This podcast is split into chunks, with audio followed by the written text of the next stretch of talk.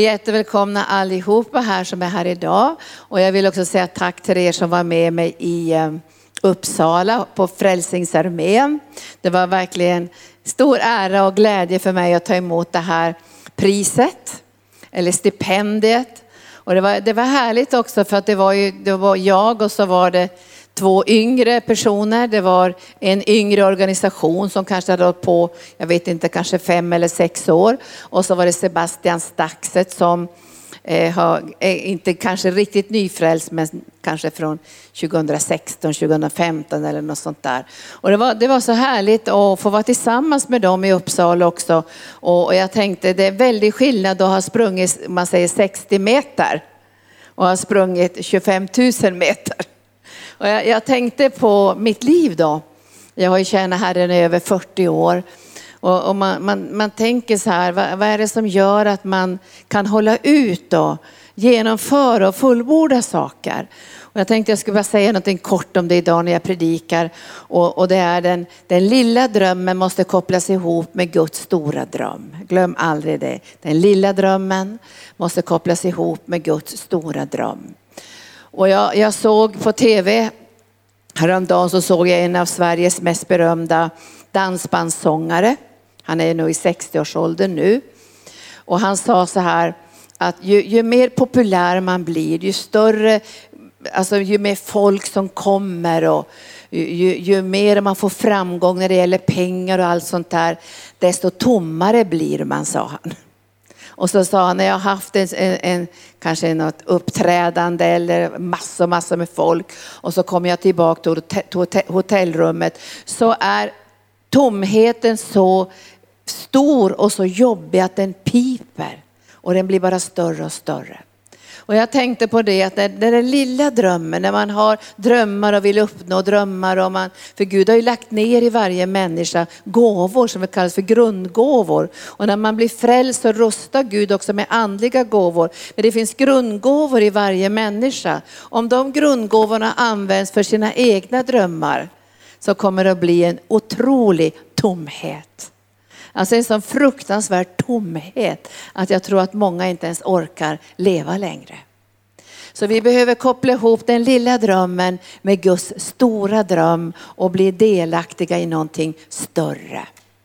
Därför ber vi idag för Israel. Arken har ju ett arbete i Israel, men vi vill vara med i den stora drömmen som Gud har för Israel och Jesu återkomst.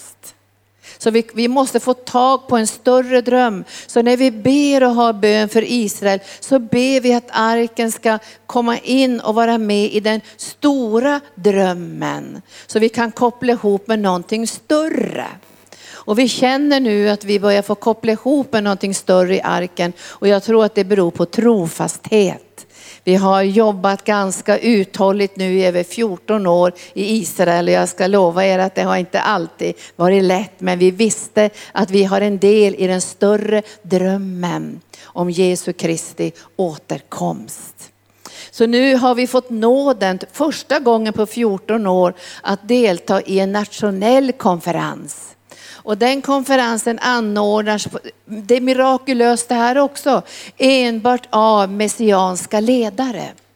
De här stora konferenserna brukar alltid anordnas utifrån, från Amerika eller från Australien eller från England så kommer det stora kända evangelister och gör stora saker i, i Jerusalem eller Tel Aviv eller någon annan stad. Nu är det de messianska ledarna i Israel som anordnar en konferens i sitt eget land och inbjuder människor från hela världen för att få komma till Nasaret den här gången för att fira judarnas konung. Och här får församlingen Arken vara med och vi får ha worship där. Ska vi inte tacka Gud? Får arken vara med? Måste vi vara med i det som är Guds stora plan. Och sen håller vi på att samla in till ett skyddsrum. Vi har partner nu. Sen 14 år har vi partner över hela Israel. Alltså vi samarbetar med olika församlingar. Fantastiska samarbeten. Och nu kommer det här teamet, jag tror vi åker kanske 11-12 stycken, att resa runt i Israel och besöka olika församlingar, ha, ha betjäna helande möten, utbildningar, bibelskolor. Och sen åker vi också till Gazaremsan så ni får be för det. Och där har vi en jättefin samarbetspartner som har haft så litet skyddsrum så de fick kanske in bara 10 procent av församlingen. Nu hjälper vi dem med renovering. Så vi har tillsammans med dem skaffat en ny lokal, men det är bara cement allting. Men där ska det bli ett jättefint skyddsrum så de får in församlingen om det brakar med missilerna. Och nu berättar de ju för mig att det har varit väldigt mycket missilangrepp i, i, i Sedrot vid Gazaremsan. Men, men missilerna har inte drabbat vår församling i alla fall där nere, utan men i området bredvid brann det och flera byggnader byggnader förstördes. Och nu håller vi på att samla in pengar till det här skyddsrummet och vi ska lämna över det när vi kommer nu till Israel. Vi åker den 12 december och jag har redan fått tag på några företagare som vill vara med och sponsra det här skyddsrummet. Kan vi få en, någon som börjar på H nu? Halleluja! Tack Jesus. Att vi, att vi kan göra det här är inte bara det här kollektiva utan att det individuella kopplas ihop med det kollektiva. Det, det är det allra viktigaste för annars sinar något i våra liv. Alltså det blir så smått, det blir så fjuttigt. Vad är din dröm? Och jag säger till de som går, vi har ju nu i arken på torsdagar något som heter, vi har ju sån här ah, utbildning, vad kallar vi det för? Business, Focus Business School. Och då skulle jag vilja säga till alla som är Focus Business School, tänk inte bara så här, jag och mitt och mitt lilla företag och jag och jag och jag. Det bara sinar och dör. Tänk istället, jag ska koppla ihop med Guds arbete, Guds vision, Guds drömmar så vi kan nå ut över hela världen. För om vi inte kopplar ihop med Guds drömmar, då, då, får vi inget, då kan vi inte göra något vettigt. Vi blir bara en liten församling på en industriplats. Det, det, är ingenting vi vill ha. Vi vill kunna påverka Sverige, Norden och ut över hela världen. Så du är med i någonting mycket större och tappar du det perspektivet så blir du bara en liten plutt av allting. Det blir bara en liten plutt. Det blir bara min lilla plutt och jag. Alltså det är ingenting att ha. Det är klart att det är kul. Du kan leva lite grann så där och mysa lite och äta lite chips på fredag. Men, men om du ska vara med i någonting större. Ser ni det här? Och min bön är då att vi ska se det här. För det här blir så fjuttigt det blir så begränsat, det blir så litet så man nästan skäms. Men om vi lägger det lilla på altarplatsen för någonting större, då kan det här få påverkan över hela jorden. Och det är det jag ska försöka få finländarna ihop med mig nu, så vi kan påverka Finland.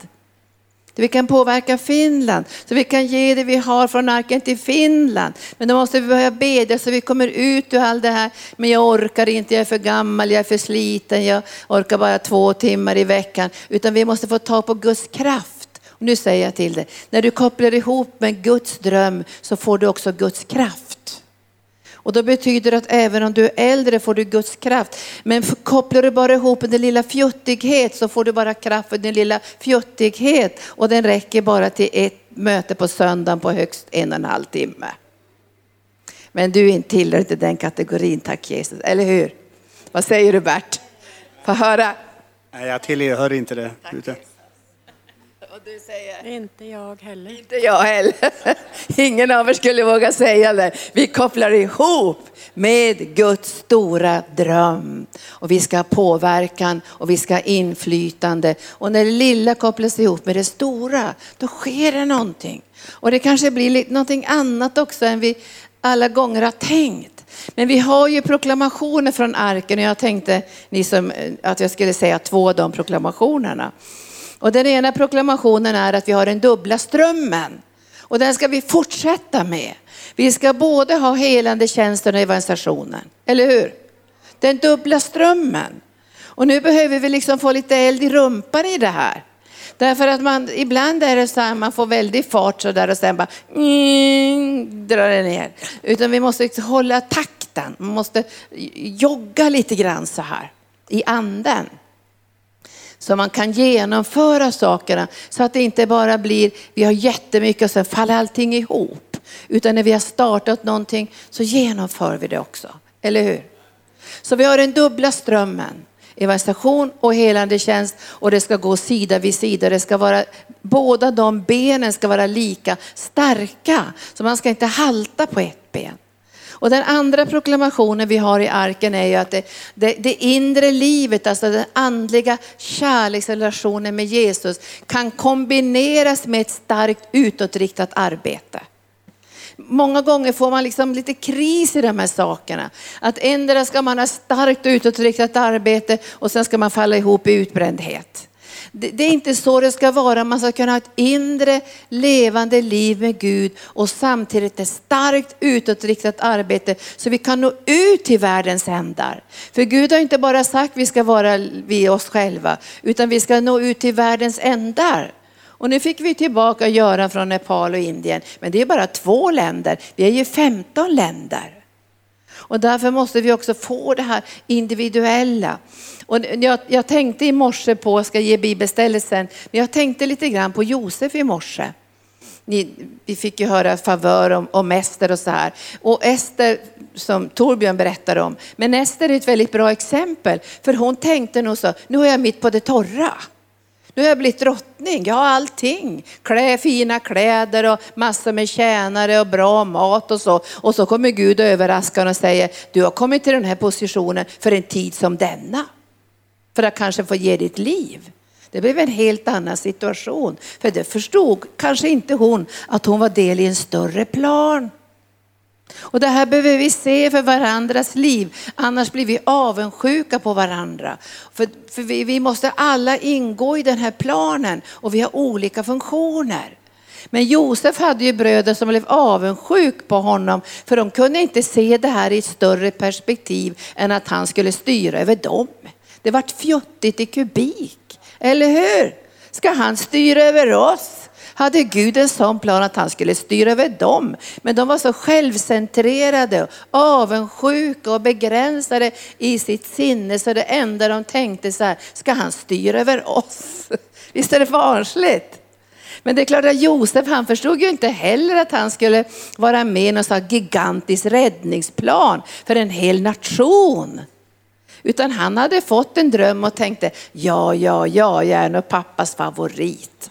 För han hade fått finkläderna av pappa och speciell fin mantel. Och så började han drömma. Och så började han drömma och så såg han, kommer ni ihåg drömmarna?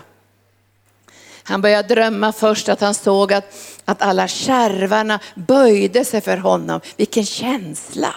Tänk om du hade en sån dröm. Alla skärvar böjer sig för dig. Du är på sädesfältet och där står du och alla skärvar böjer sig. Och då tänker du, mm, mm, mm, vad underbart.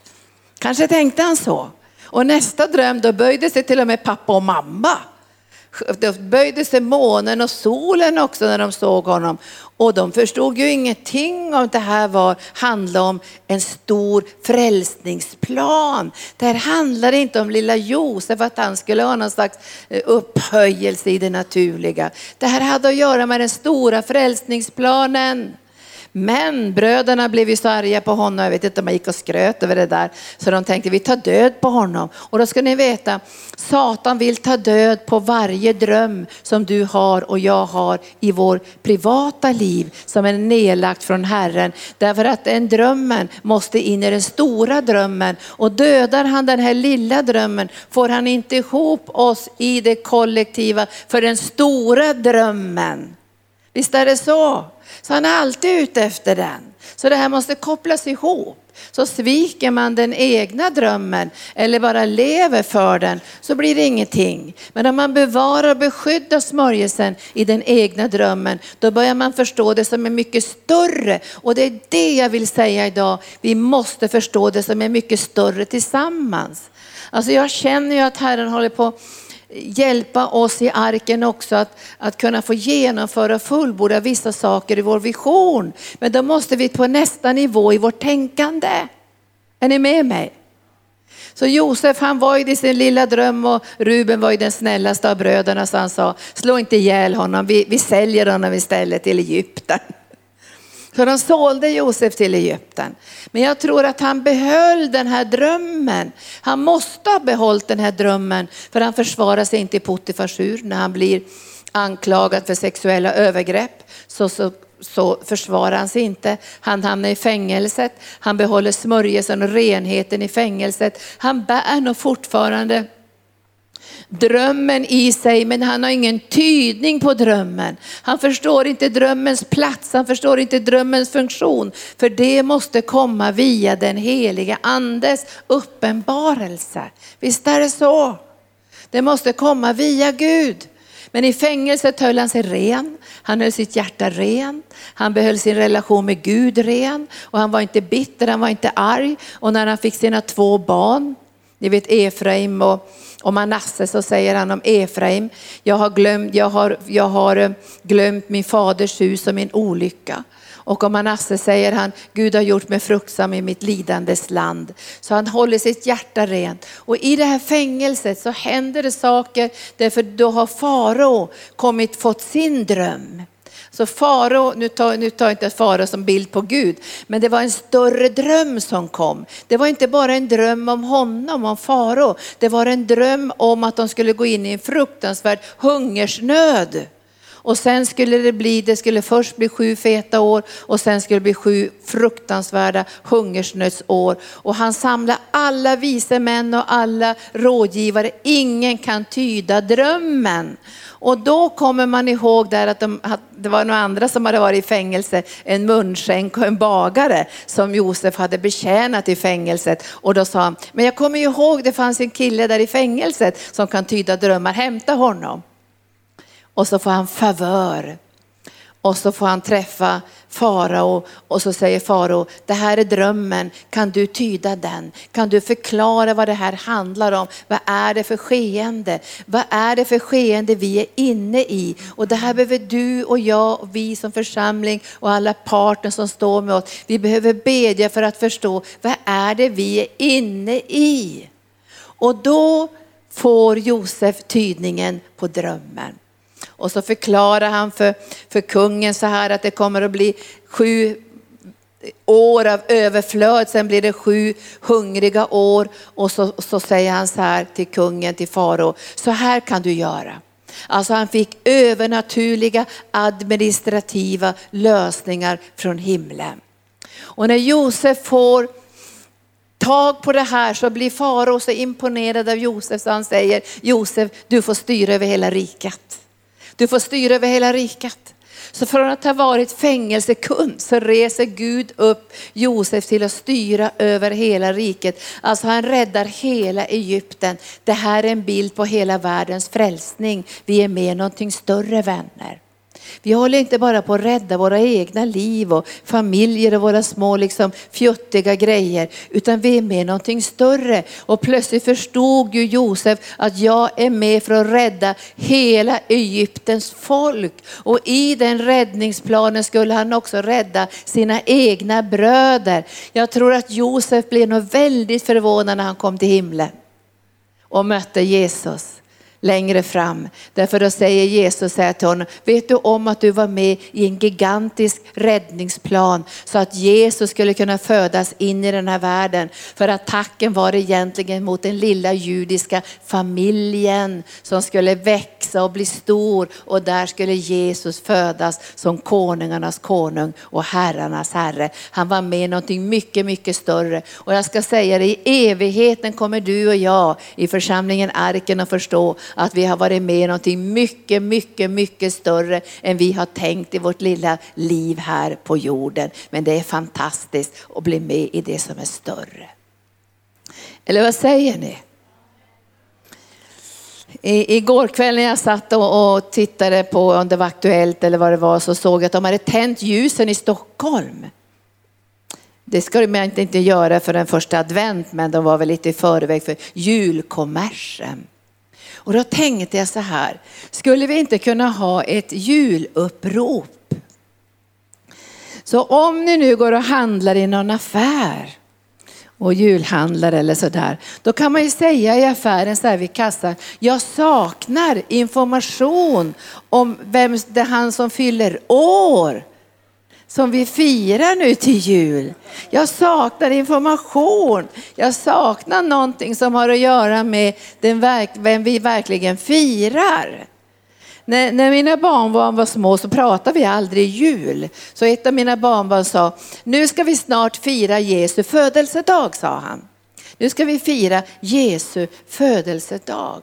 Tänk alla dessa dessa stjärnor i alla fönster, det är ju Betlehemsstjärnan. Det är de stjär, den stjärna som ledde de vise männen hem. Så jag, var frimodig nu. Säg i varenda affär du går in så säger jag saknar bilder på Jesus, jag saknar bilder på krubban, jag saknar bilder på, på honom som vi egentligen firar här under julen. Vågar ni göra det? Juluppropet.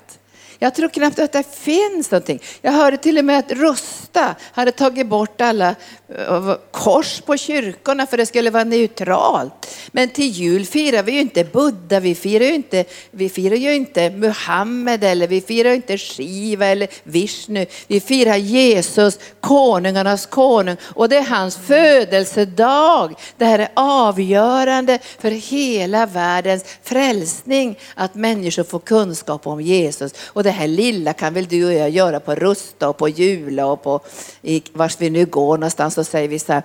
Men vi saknar information om den som ska, som ska firas. För hans födelsedag. Var finns den informationen? Var frimodiga nu. Vi är med i någonting större. Vi får sluta vara mesar. Eller hur? Fråga efter Jesus, fråga efter vykort från Betlehem, fråga efter bilder på Jesus, fråga efter krubbor, fråga efter finns det några krubbor här som vi kan köpa, som, som vi kan ha hemma, så vi kan, vi kan berätta för barnen om Jesus. Var frimodiga nu så får jag lite, så ska vi säga halleluja, vi får lite, lite eld under galoscherna. Va? Visst blir det kul det här? Lova mig att jag ska göra det. Varenda affär så ska jag säga det. Var, var, var, var ligger krubborna nu? Var finns informationen om födelsedagsbarnet nu? Tänk att alla börjar längta nu. Vil, vilken, vilket, vilken, vilken tristess det blir när alla presenter är öppnade. då tänker man, men vad var det vi firade egentligen? Vi har glömt bort vem vi firar. Det ska tillbaka till Sverige, tack Jesus. Nu ska ni få bibelordet, vad Guds ord säger om det stora och det lilla. Efesierbrevet kapitel 3. Och då talar Paulus om sitt eget liv också i den, i den åttonde versen. Du och jag är viktiga i det här jättepusslet. Vi får inte tänka så här, ja men jag är inte viktig. Du och jag är jätteviktiga. Alltså ditt beslut att följa Jesus, ditt beslut att lägga din dröm på en högre plats i, i, i Guds rike. Gör det! Då kan ingenting hindra oss att fullborda det Gud har kallat oss till. För vi är viktiga. Gud säger ju till Petrus så här, du är den lilla stenen och jag ska bygga min församling på uppenbarelsen av mitt eget namn. Men du är viktig som den lilla stenen. Utan den lilla stenen går det inte att bygga någonting. Jag tycker ibland idag att folk är inte med och bygger någonting. Och, och, Bibeln varnar ju för det där att vi bygger vårt lilla fjuttiga liv själva fast vi delar någonting så mycket större. Vi ska vi göra bättring från det, eller vad säger ni? Vi håller på att förändra landet. Vi håller på att påverka lagarna. Vi håller på att förändra skolsystemet, vården genom Guds evangelium och vi får inte vara mesiga och rädda och sätta ljuset under skäppan. För nu säger Herren så här, först säger Paulus så här, jag är den allra minsta av alla heliga jag har fått nåd att predika evangelium om Kristi ofattbara rikedom. Jag är den allra minsta. Varför säger han så? Jo, för han har förföljt Guds församling. Han har betett sig illa, men han har fått nåd. Och han säger vid ett annat ställe så här, Gud ska, ska visa genom nåden på mitt liv att han är god och han ska kunna uppmuntra andra. Men han, han säger, jag har fått nåden att predika evangelium om Kristi ofattbara rikedom för hedningarna och att upplysa alla om planen med den hemlighet som från evighet har varit dold i Gud, allting skapare. Vad har Gud för dold plan? Han vill att alla ska bli frälsta. Vet du, det är fruktansvärt att människor kommer att gå förlorade. Alltså vi, vi får inte ens leka kyrka, människor kommer att gå förlorade i all evighet och det finns en plan från Gud ända sedan begynnelsen att bana väg för räddning för varenda människa. Men okunskapen är ju fruktansvärt stor. De flesta vet ju inte att de där stjärnorna de sätter upp i, i, i, i fönstren är Betlehemsstjärnan. Alltså det är totalt okunnighet. Men det finns en längtan i människors liv. Varför börjar de tända annars ljusen i Stockholm? Därför att nu vill man, klart man vill få igång kommersen, men det är väl väldigt trist när, när hela julen bara blir en enda stor kommers, det vi äter så vi nästan kräks. Alltså jag kan inte gå på de här julborden, jag mår bara illa när jag ser det. Jag avskyr det här frosseriet. Får jag någon hand på det? Tänk om julen bara handlar om prylar och äta. Det är ju groteskt. Men människor vet ju inte det för de längtar efter julen när man hör och snart är det jul och vi tänder jul, ljusen och vad roligt. Varför, vad då för jul? Är det något blot eller vad är det? Är det bara kommersen? Och vi lever ju nu i tider när vi talar om att tagga ner därför hela jorden håller på att gå under. Och därför kan vi inte bara vräka oss under julen, förstår ni? Vi, vi, behöver liksom få ut kunskap också om det här. Det finns en hemlighet som har varit dold så länge. Människor måste få veta att de kan bli frälsta, att de är älskade av Gud, att han har en plan i deras liv och att den planen ska in i någonting mycket, mycket större än det här lilla som vi kan uppleva. Även om vi är berömda som Avicii Bergling och har hela, hela världen framför våra fötter så finns det ändå en sån fruktansvärd tomhet som till sist gnager upp själva livsnerven på insidan. Därför vi är skapade för att älska Gud. Eller hur? Och nu de här fina tjejerna från Blackebergs gymnasiet. Idag kanske ni tar emot Jesus. Visst vore det underbart det? Tänk om bara, nej men jag tänker ta emot Jesus. Ett av mina barnbarn han, han ringde mig igår och sa så här, ja men jag mötte några från Staxes kompisar på gatan. Och, och jag var med på den bönegruppen. Men jag tänker, tänk om ingen predikar. Vem ska kunna bli frälst då? Julen är skinka och lutfisk och sen nästan så får vi bara kvällningar på sjunde eller vad heter det, tolfte dagskrut eller femtonde dagskrut eller vad det heter. Eller så har vi så mycket grejer så vi måste gå till second hand-affärer med allting. Det ska inte vara så. Vi ska fira jul. Vi ska lyfta upp Jesus, vi ska synliggöra Jesus, vi ska älska Jesus. Det här är en hemlighet som är dold. Men nu läser jag tionde versen, det här är mitt bibelord idag. Nu skulle Guds vishet i sin väldiga mångfald. Oj, det var en mängd mångfald. Ska vi alla stansa som pepparkakor? Nej, vi ska ha mångfald. Så skall nu Guds mängdiga sin väldiga mångfald göras känd genom församlingen. Oj! Det skulle göras känd genom församlingen. För vem då? För härskarna och, me, me, härskarna och makterna i den himmelska världen. Alltså nu har Gud tänkt att visa en sån fantastisk mångfald genom sin församling för hela den himmelska världens alla härskare och väldigheter och herrar. Att Gud har en större plan för mänskligheten. Det handlar om frälsning och upprättelse, evigt liv och Jesu tillkommelse och du och jag får vara med. Vet du, det är jätteskönt att komma ut för sitt lilla fjuttiga liv.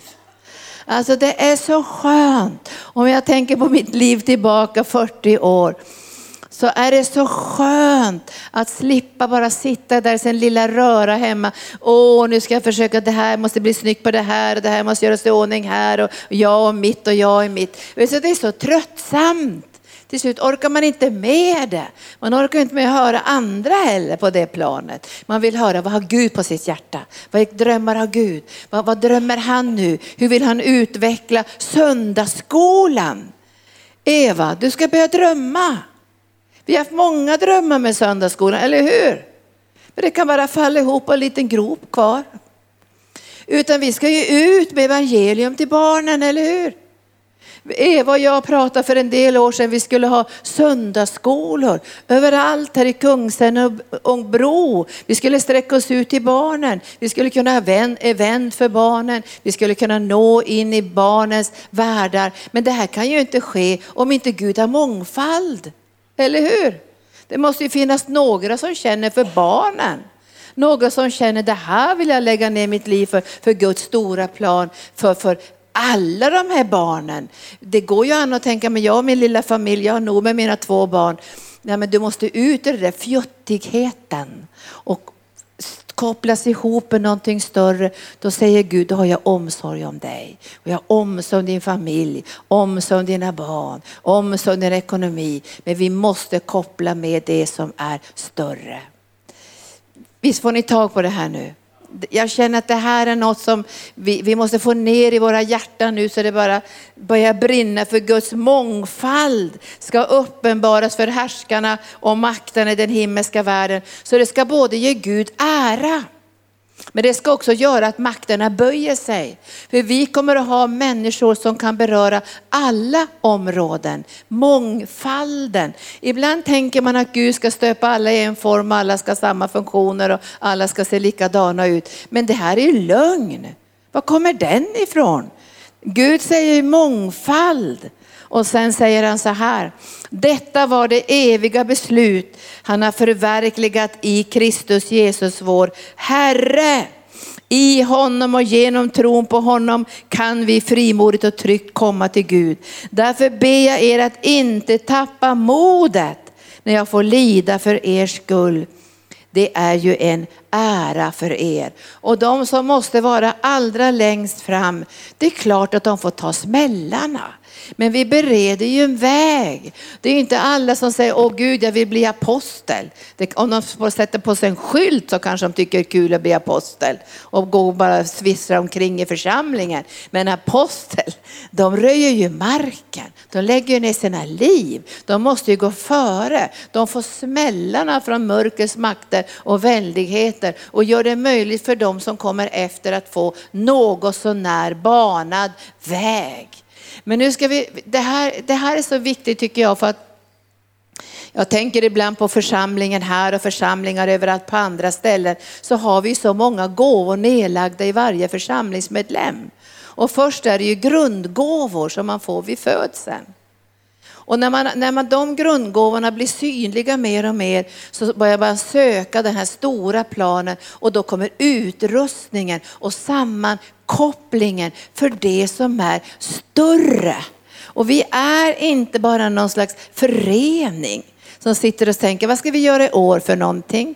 Vad ska vi hitta på nu? Utan vi är ju del i en gigantisk räddningsplan där vi måste få tag på både så vi ser vår egen plats och, och, vår egen funktion och församlingens plats i det stora. Den här församlingen har en plats i det stora. Och därför får ni inte bara får inte vara kvar i det lilla och fjuttiga utan vi måste börja tänka de större drömmarna och så blir vi delaktiga i dem och då får ni kraft. Jag kan lova er att när vi kopplar ihop med det större så finns det en övernaturlig kraft i den heliga ande på ett helt annat plan.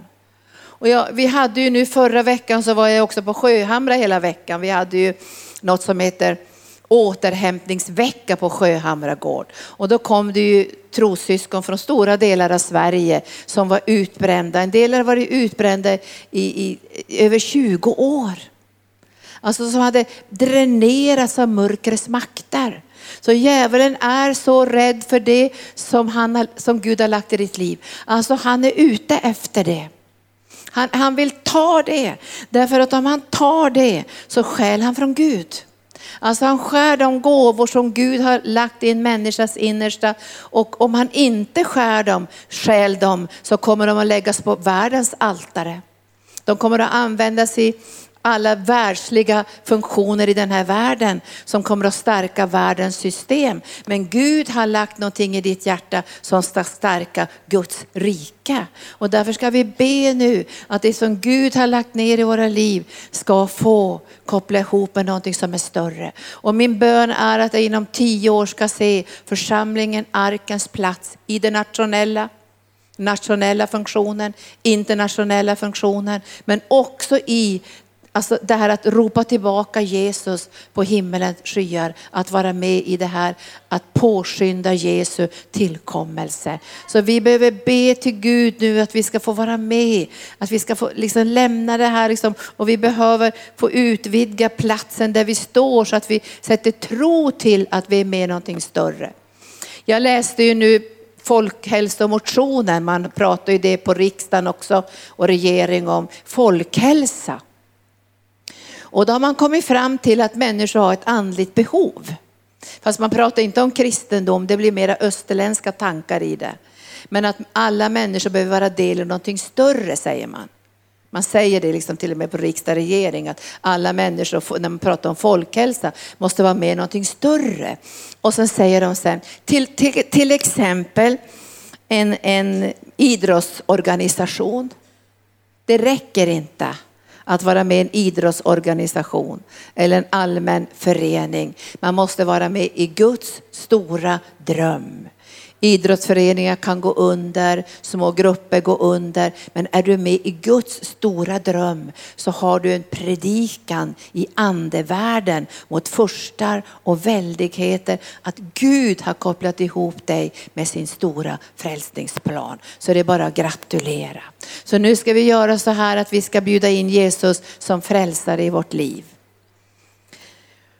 Och det är så lätt att bli frälst, så det är det lättaste som är det lättaste. För Torbjörn sa att allt är färdigt redan. Så vi går bara in i det som Jesus har sagt ja till. Och han har sagt, gå fram till nådens tron, du ska få hjälp i rätt tid. Och är du här nu i, idag och den här förmiddagen och du är ännu inte frälst. Är du här med, med en osäkerhet om om du är frälst eller inte, då kan du stadfästa din frälsning med ytterligare en bön och säga, jag vill verkligen ha dig i mitt hjärta Jesus. Och jag säger till att jag vill öppna mitt hjärta för dig som min frälsare. Och då bjuder du in Jesus i ditt hjärta och det är så lätt som helst. Och vi ska be lovsångarna komma upp och så ska det här bli så lätt som helst att bli frälst. Man vet aldrig om man dör imorgon. Jag pratade med någon som hade fått en allvarlig diagnos. Vi vet inte om vi dör imorgon. Men Jesus har gett oss evigt liv. Jag tycker det är så jättetråkigt när, när människor med höga utbildningar säger så här, jag, ibland så överläkare och psykiatriker och alla möjliga säger så här, ja men när du dör så somnar du bara, det blir bara svart. Det är väl tristess. Ska vi leva här och sen somnar vi och det blir bara svart? Alltså det är så löjligt så man skulle bara vilja skrika rakt ut. Det är ju så meningslöst. Vad ska du leva för då? Det är fina Volvo eller fina hus eller semesterstugan i Spanien. Det blir totalt meningslöst om du ska leva här ett kort liv och sen blir det bara svart och så är du borta. Vilken tristess, va? Är det tristess?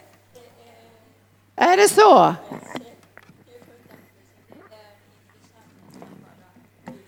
Nu börjar vi på protester här. Det blir inte bara svart. Utan Guds tanke är, är Guds tanke, tack Jesus, jag får en predikan till på sidan här. Men, men det är precis rätt som hon säger. När du dör så dör bara din kropp och du stiger ur din kropp.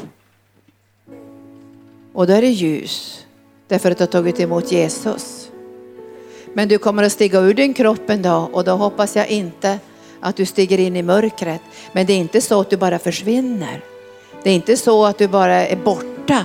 Så är det inte.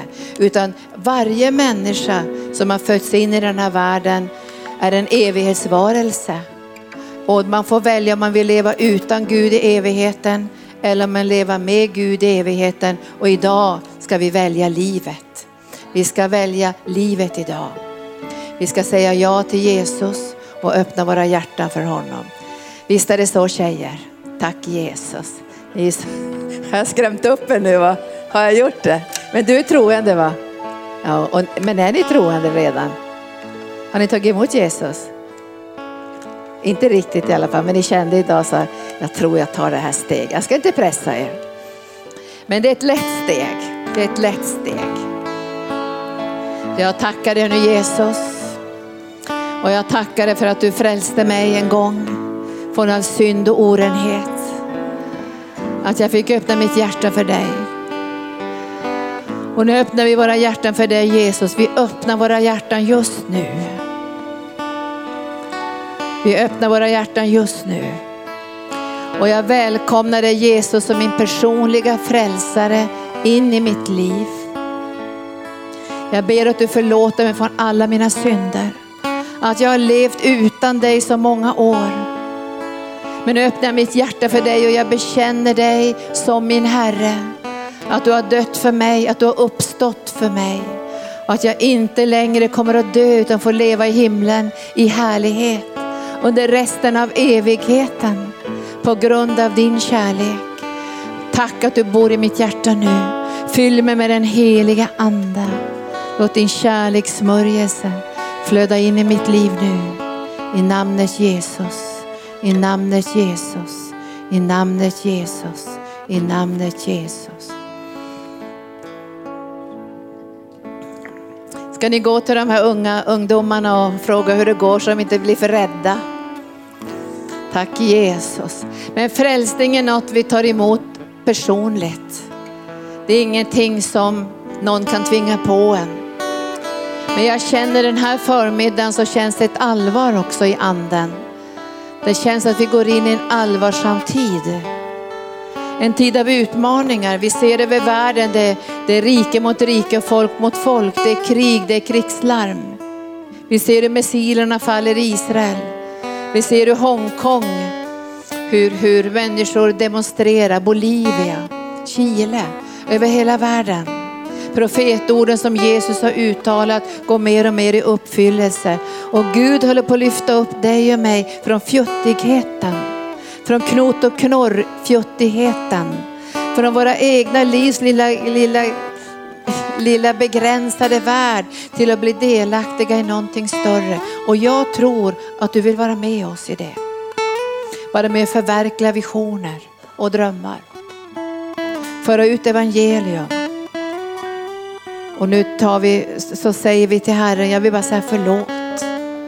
Förlåt för all fjuttighet. Förlåt för all mänsklig begränsning. Förlåt oss Herre att vi har byggt på vårt eget hus när vi skulle bygga på ditt hus. På evighetens hus och människors frälsning. Förlåt oss Gud att vi har fjuttat oss i små saker. Som, som inte haft någon betydelse för evigheten. Vi får inte med oss någonting ändå. Får inte med oss någon cykel eller hus eller fina kläder. Vi får lämna allt sammans. Men nu det här livet Jesus, ge oss nåd. Ge oss nåd, ge oss nåd som din församling Arken. Ge oss nåd att kunna få fullborda och genomföra de gudomliga tankarna och planerna som du har för oss ut över världen. Nepal och Indien, Kambodja, Latinamerika, Israel, Afrika. Alla de länder du har gett oss, Vitryssland. Jag ber om trofasthet. Jag ber för dem som började tillsammans med oss en gång och som inte längre finns kvar. Att du ska lägga drömmarna tillbaka i deras liv. Att de får koppla ihop och fortsätta. För du har sagt, vi ska börja vårt lopp och vi ska slutföra vårt lopp. Vi ska inte bara hoppa av efter halva sträckan utan vi ska fullborda och genomföra och få se saker och ting gå till seger. Och jag ber Herre för den här församlingens trofasthet, den här församlingens eld och brand. Jag ber om en eld ska brinna, att man inte så snabbt ger upp när det blir lite motstånd och svårigheter utan den här elden ska brinna med en allt starkare låga. Så jag ber dig heliga ande, ta oss ut våra egna fjuttiga begränsningar nu Gud så vi kan komma in i dina planer för den här världens frälsning. Det är min bön idag Herre från mitt hjärta. Resekiria, Korasentaidia, Kerosaidia. Låt dina grundgåvor nu läggas på altarplatsen. Kanske är du administratör, kanske är du förkunnare, kanske du är ekonomipersonal, kanske du är banarbetare, kanske du är förebedjare, kanske du vill arbeta med vårdfrågor, kanske du vill arbeta på Sjöhamra gård och hjälpa människor som är utbrända och sargade. Kanske du vill bygga upp barn och ungdomsarbetet, kanske du vill bli missionär ute i många länder genom arken. Du kanske vill arbeta med evangelisationen både i Sverige men också Eh, utbilda andra församlingar i evangelisationen. Så jag ber dig nu heliga ande, jag kan knappt räkna upp denna mångfald, men det finns så mycket mångfald och det finns så mycket mångfald och det finns så många underbara människor i den här förmiddagen här i arken som bär på dina gåvor, dina resurser och dina drömmar. Och jag ber dig heliga ande just nu att de lägger dem på altarplatsen för ett högre syfte. Vi lägger dem på altarplatsen för ett högre högre syfte. Kom heliga ande, kom heliga ande. Jag lägger alla mina gåvor på altarplatsen för ett högre syfte. Och jag lägger inte bara mina gåvor, jag lägger mitt liv. Jag lägger mitt liv, jag lägger mitt liv på altarplatsen. För att vi ska kunna nå barnen här i Kungsängen och Bro. Att vi ska kunna nå ut i Stockholm och ut över världen. Så ger jag inte bara mina gåvor Herre, jag ger mitt liv. Jag ger min kropp, jag ger min tid, jag ger min kraft till dig Herre. För att det du har kallat arken till ska kunna fullbordas. Och jag ber dig Gud nu Sakairia, Presonoria, Ekrosiria, Lestergendaidia, Tregodoria, Esokontoria. Och jag ber att du ska smörja oss idag Jesus. Smörj oss, smörj oss, smörj oss, smörj oss. Smörj oss med den helig ande. E, e, e, e. Smörj oss, utrusta oss så vi kan få kraft från höjden att kunna tjäna dig. Så all trötthet, all begränsning, allt det som håller oss tillbaka får vika undan för en övernaturlig smörjelse. För du har sagt Herre, vi har fått kraft från höjden för att föra ut evangelium, inte bara i Jerusalem och Judeen och Samarien, utan utöver hela jorden. Och det gäller också oss här i Kungsängen. Ett större uppdrag än det lilla vi ser i våra privata liv. Och jag ber dig nu Herre, bara lyft oss ur den här privata begränsningen. Lyft oss ur den här privata begränsningen så att våra gåvor kommer i kontakt med himmelens drömmar, de stora drömmarna, de stora planerna. Och jag lyfter alla som är på business school nu här i arken, att de ska få del i dina stora planer. Att det inte bara blir ett fjuttigt företag som ska styras av dem själva, utan det får kopplas ihop med den större planen för hela världens frälsning. Att producera böcker, att föra ut böcker till många språk, material till många länder. Jag bara prisar dig Gud för de stora planerna. Vi vill ha del i de stora planerna Gud. Det är vår dröm, det är vår dröm, det är vår dröm att få del i de stora drömmarna som himlen drömmer. Dröm Jesus dina drömmar. Låt dina drömmar bli våra drömmar. Låt dina tårar bli våra tårar. Låt dina tankar bli våra tankar. Låt allt som du har falla ner i våra hjärtan så vi kommer ut ur varje begränsning. Det är min bön idag Gud och jag känner att det är en bön som, som drivs från ditt eget hjärta. För att vi ska kunna ta de här stegen in i framtiden så måste det bli en förändring i våra liv. Och jag ber här att du ska låta alla ledare, alla hemgruppsledare, alla äldste, alla som är anställda här komma ut ur varje begränsning och bli del med sin medvetet del ännu mer från den här dagen i det som är större. Kom heliga ande, kom heliga ande, kom heliga ande, kom heliga ande, kom heliga ande. Och nu spelar det ingen roll om du är frisk eller sjuk, om du är stark eller inte stark, om du, vad du hur du tänker om dig själv. Vi ska låta allt det bara läggas undan. Jag sa häromdagen att man kan, även om man inte har några armar så kan man lägga, händ, lägga fötterna på människor. Och har man inga fötter och inga armar så kan man lägga huvudet på människor. Det finns ingen begränsning, du har en mun.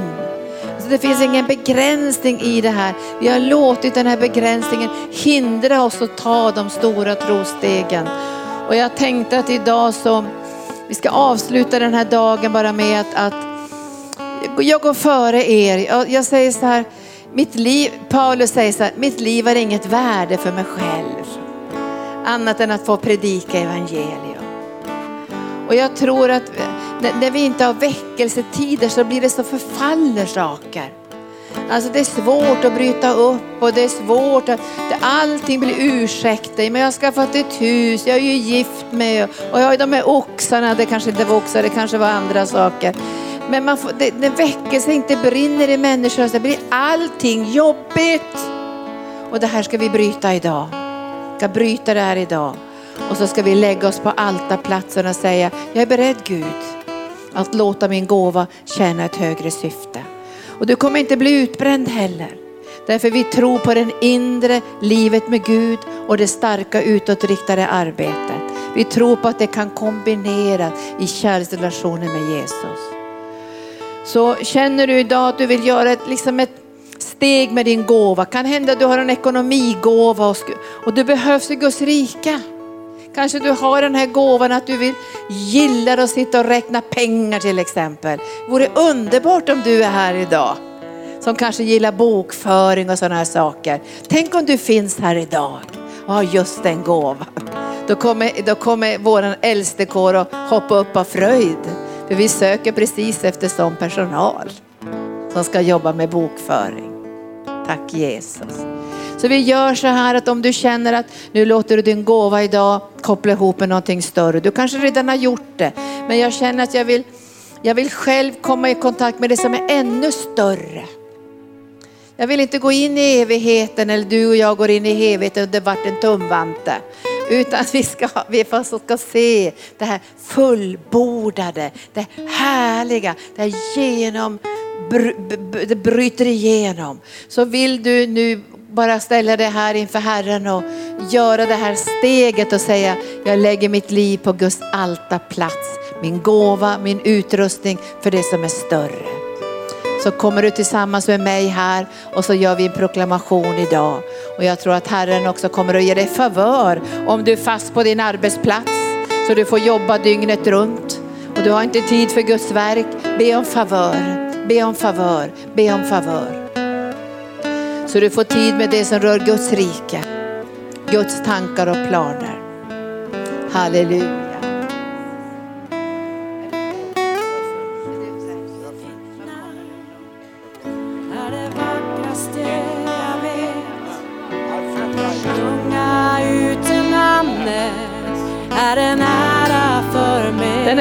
Kommer från Kenya och Afrika och han vill lägga sin gåva på altarplatsen. Tack Jesus.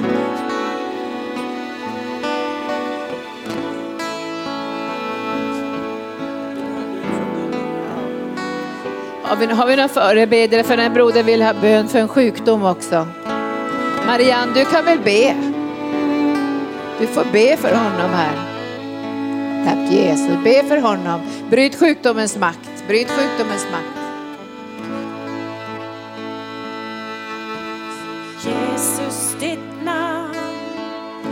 Är det vackraste jag vet.